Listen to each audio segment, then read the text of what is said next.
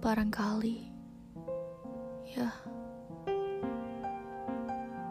keheningan yang melingkup hatiku saat rindu padamu tiba-tiba muncul. Sama dengan keheningan yang tak pernah hilang di kolom obrolan kita. Tak pernah juga ada pintu yang kau buka untuk sekedar ingin tahu keadaanku. Bahkan, meski aku yang mengetuk duluan. Aneh rasanya berdiri menunggu sahutan di sini.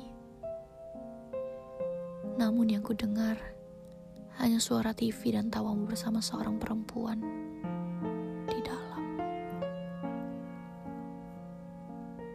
Aku merasa bodoh membiarkan diriku digonggongi anjing yang kebetulan lewat.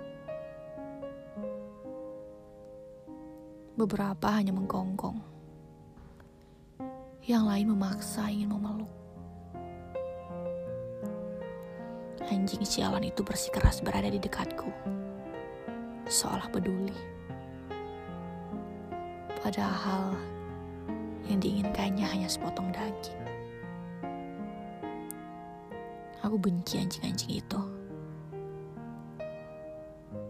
Tapi kadang aku merasa terlalu kesepian sehingga menariknya ke dalam pelukan.